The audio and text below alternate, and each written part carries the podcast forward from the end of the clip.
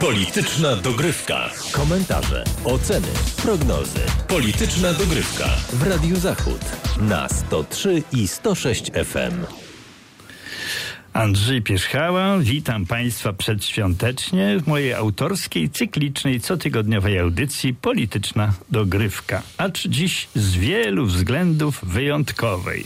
Stąd w loży ekspercko-komentatorskiej ksiądz profesor Tadeusz Stanisławski, dziekan Wydziału Prawa i Administracji Uniwersytetu Zielonogórskiego. Szczęść Boże, witam księdza profesora. Szczęść Boże, witam pana redaktora i wszystkich słuchaczy. Zacznijmy od sprawy, co by nie rzec najważniejszej dla naszych słuchaczy z pewnością i dla nas, czyli świąt Adwentu, jutrzejszej Wigilii, Świąt Bożego Narodzenia. Y, jakie jest przesłanie, proszę księdza, tego, y, tych świąt? Święta Bożego Narodzenia są chyba jednym z wydarzeń, co do których narracje toczą się dość równoległe i różni ludzie różnie te wydarzenia interpretują. Ja wspominam bo robię się coraz starszy. Wspominam z dawnych czasów, kiedy to znani ludzie opowiadali wspomnienia ze swojego dzieciństwa, kiedy Boże Narodzenie kojarzyło im się dobrze, sympatycznie. Czas rodzinnych spotkań, czas pomagania w kuchni, czas wspólnie przygotowa- przygotowywanych porządków.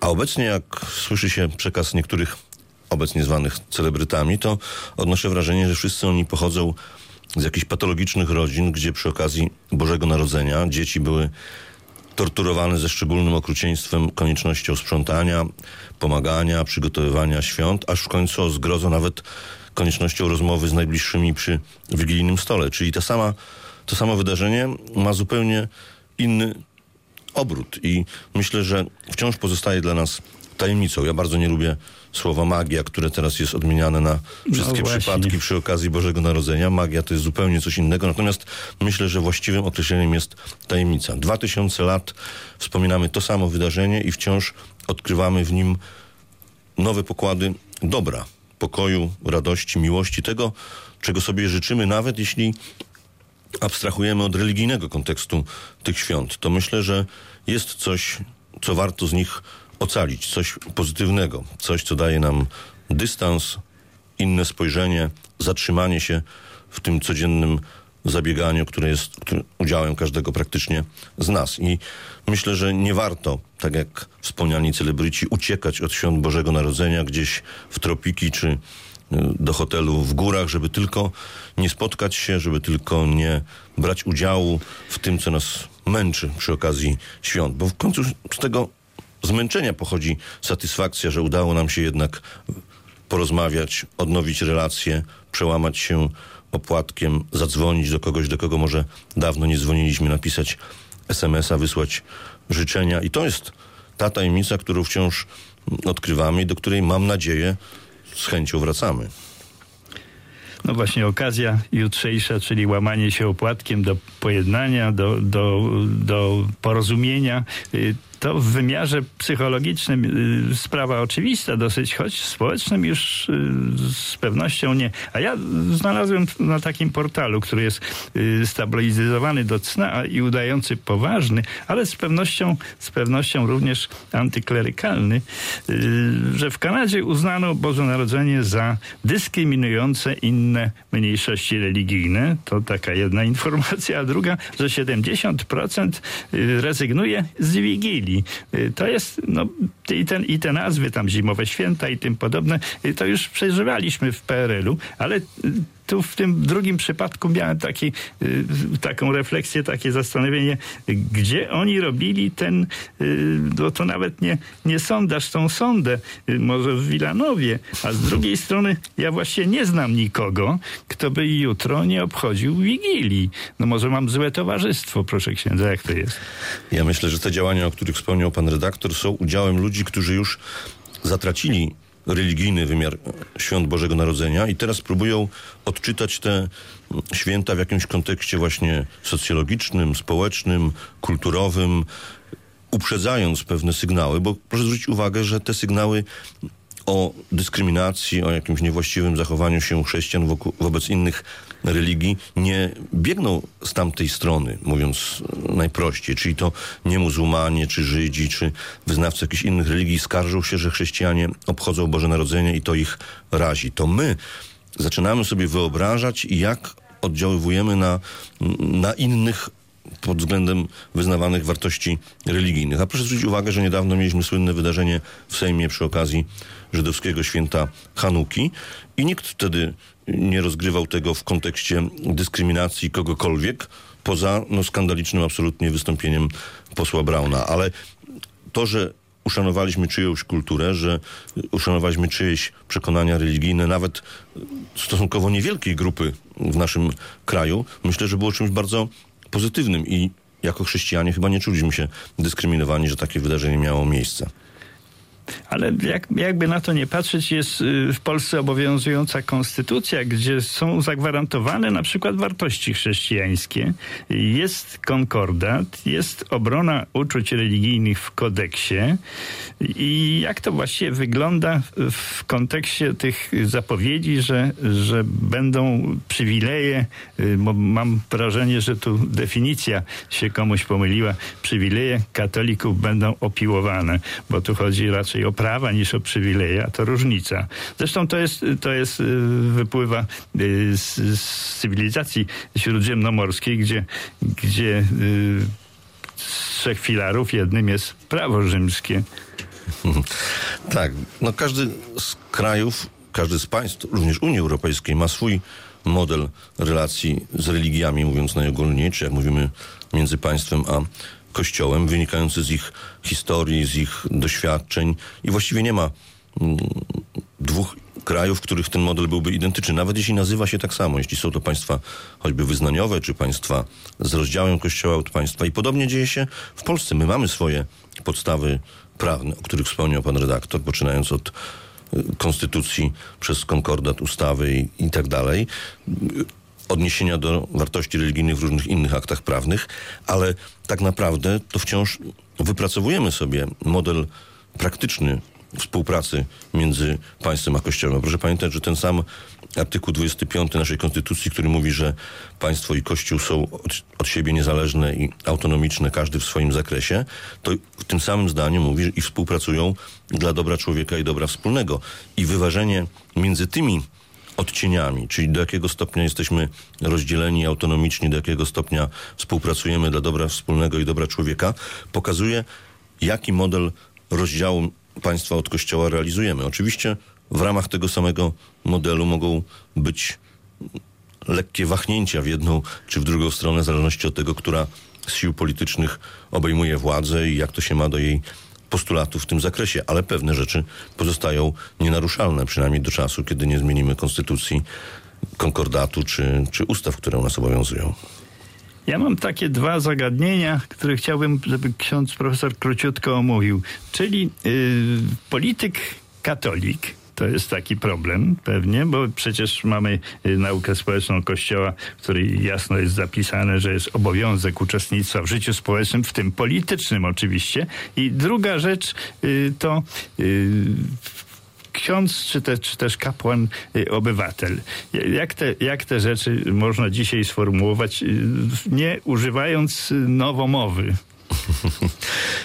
Jeśli chodzi o katolickiego polityka, no to oczywiście musimy pamiętać, że nie ma katolickich partii politycznych, czyli katolik może się odnaleźć niemal w każdych mm, konfiguracjach politycznych, oczywiście z wyjątkiem sytuacji, kiedy musiałby opowiedzieć się za wartościami absolutnie przeciwnymi mm, wartościom katolickim. Ale to kiedyś pewnie było szerzej mm, analizowane przy okazji sporów o życie dzieci nienarodzonych, kiedy było widać, że nie jest możliwe zapewnienie takiej całkowitej ochrony, a katolicy politycy, jeśli nie są w stanie zrealizować tego postulatu, to powinni jak najbardziej swoimi decyzjami się do niego zbliżać. I to jest, myślę, mm, jakaś recepta. Zdroworozsądkowcy, przepraszam za wiele słowo, mówią, że to nie jest kwestia religijna.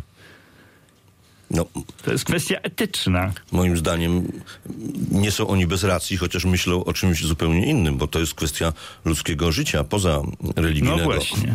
Tylko, że jeśli wejdziemy w szczegóły i zapytamy, od którego momentu to życie i tak dalej, wtedy zaczyna się rozdział między nie państwem a kościołem, ale między y, polityką a nauką. I wtedy zaczyna się spór, który, no, przynajmniej na razie donikąd nas nie, nie prowadzi.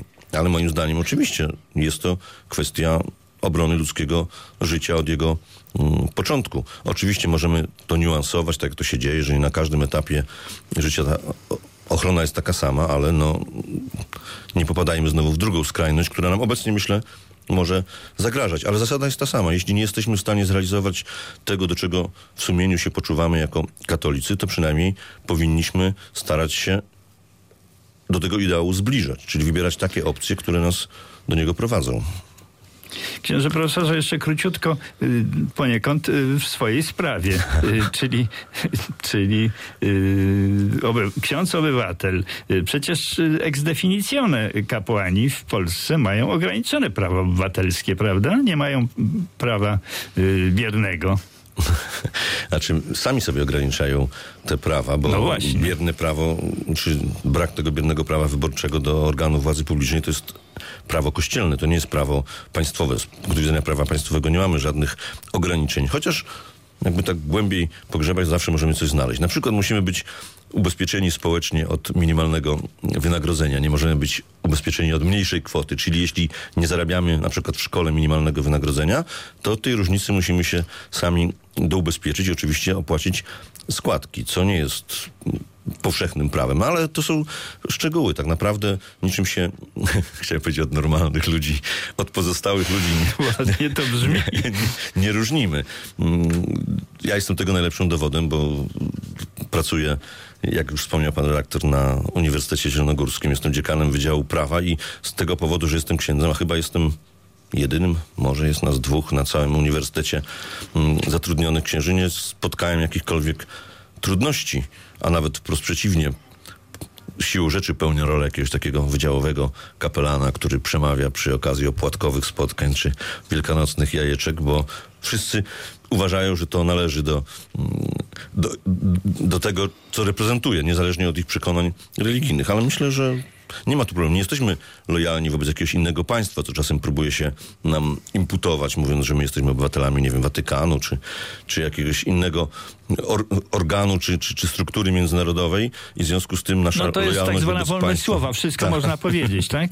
Tak, jest jakoś zachwiana, absolutnie, absolutnie nie. Raczej anarchia niż wolność. Księże profesorze, na koniec y, pytanie do prawnika. Y, Mamy y, no, nie tylko chaos semantyczny, ale również chaos prawny. No nieprawdopodobny, chyba jeszcze czegoś takiego nie było. Ostro i groźnie pisze Jan Maria Rokita, że konflikt polityczny wysadził ustrojowe bezpieczniki. Jaka będzie przyszłość tej, tej sytuacji? Jak się porozumiemy? Jak, jak, jak te przywileje, prawa, jak to wszystko zostaje ułożone, bo są prawnicy, którzy, którzy ten chaos wywołali. Oni oczywiście doskonale wiedzą, jaka jest różnica między uchwałą a ustawą i raczej do ignorancji społecznej w tej materii się odwołują. Ja myślę, że w takich przełomowych momentach, jaki właśnie teraz przeżywamy, zawsze jest taka pokusa testowania tych, jak wspomniał pan za redaktorem y, Rokitą, bezpieczników, czyli sprawdzania, jak daleko można się posunąć. Bo patrząc historycznie, każda władza robi mniej więcej to samo, tylko bardziej niż poprzednia. No i pytanie, gdzie jest, gdzie jest ta granica? Myślę, że tym razem dobrze się zdarzyło, że to wszystko ma miejsce przed świętami Bożego Narodzenia, gdzie siłą rzeczy, chcąc, nie chcąc, wszyscy, mam nadzieję, wyhamują, odpoczną, nabiorą dystansu, pewne rzeczy przemyślą, może podyskutują w gronie rodzinnym, może zetrą się z innymi mm, ludźmi, którzy mają inne poglądy i wypracują jakiś konsensus. Myślę, że to powoli powinno stawać się treścią naszych świątecznych życzeń. No, jest również nauka społeczna Kościoła, która, y, która każe y, się angażować y, w życie, jeszcze raz powtórzę, w życie polityczne. Przy okazji warto napomknąć, cóż zostało z autorytetu świętego Jana Pawła II, który znakomite rzeczy pisał w tej materii. No, myślę, że to wciąż jeszcze Polityzacja i mediatyzacja zjadła kompletnie autorytety.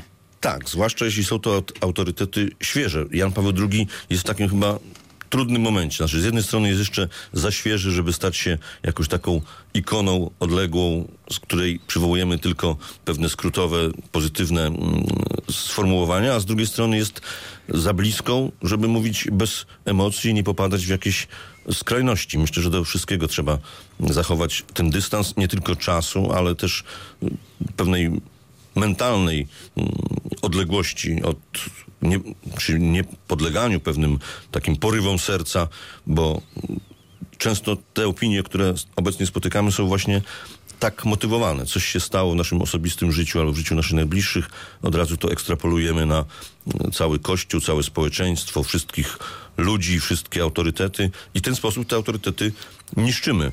Myślę, że z czasem znajdziemy jakieś kompromisowe rozwiązanie.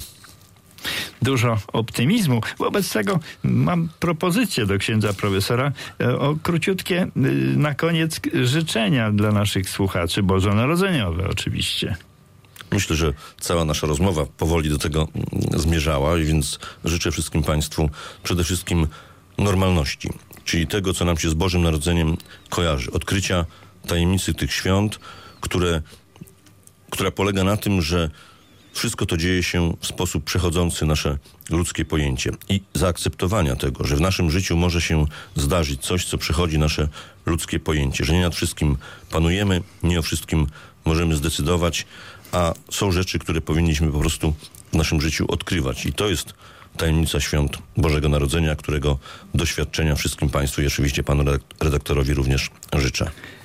Bardzo dziękuję. Dziękuję również y, księdzu profesorowi za udział w audycji. Przypomnę, że komentował dla Państwa ksiądz profesor Tadeusz Stanisławski, dziekan Wydziału Prawa i Administracji Uniwersytetu Zielonogórskiego, a to była polityczna dogrywka. Audycję zrealizował Tomasz Majka. Bardzo dziękuję. Na następną zapraszam już 30 grudnia, zatem będzie podsumowująca. Kłaniam się i do usłyszenia. Do usłyszenia. Polityczna dogrywka. Komentarze, oceny, prognozy. Polityczna dogrywka w Radiu Zachód na 103 i 106 FM.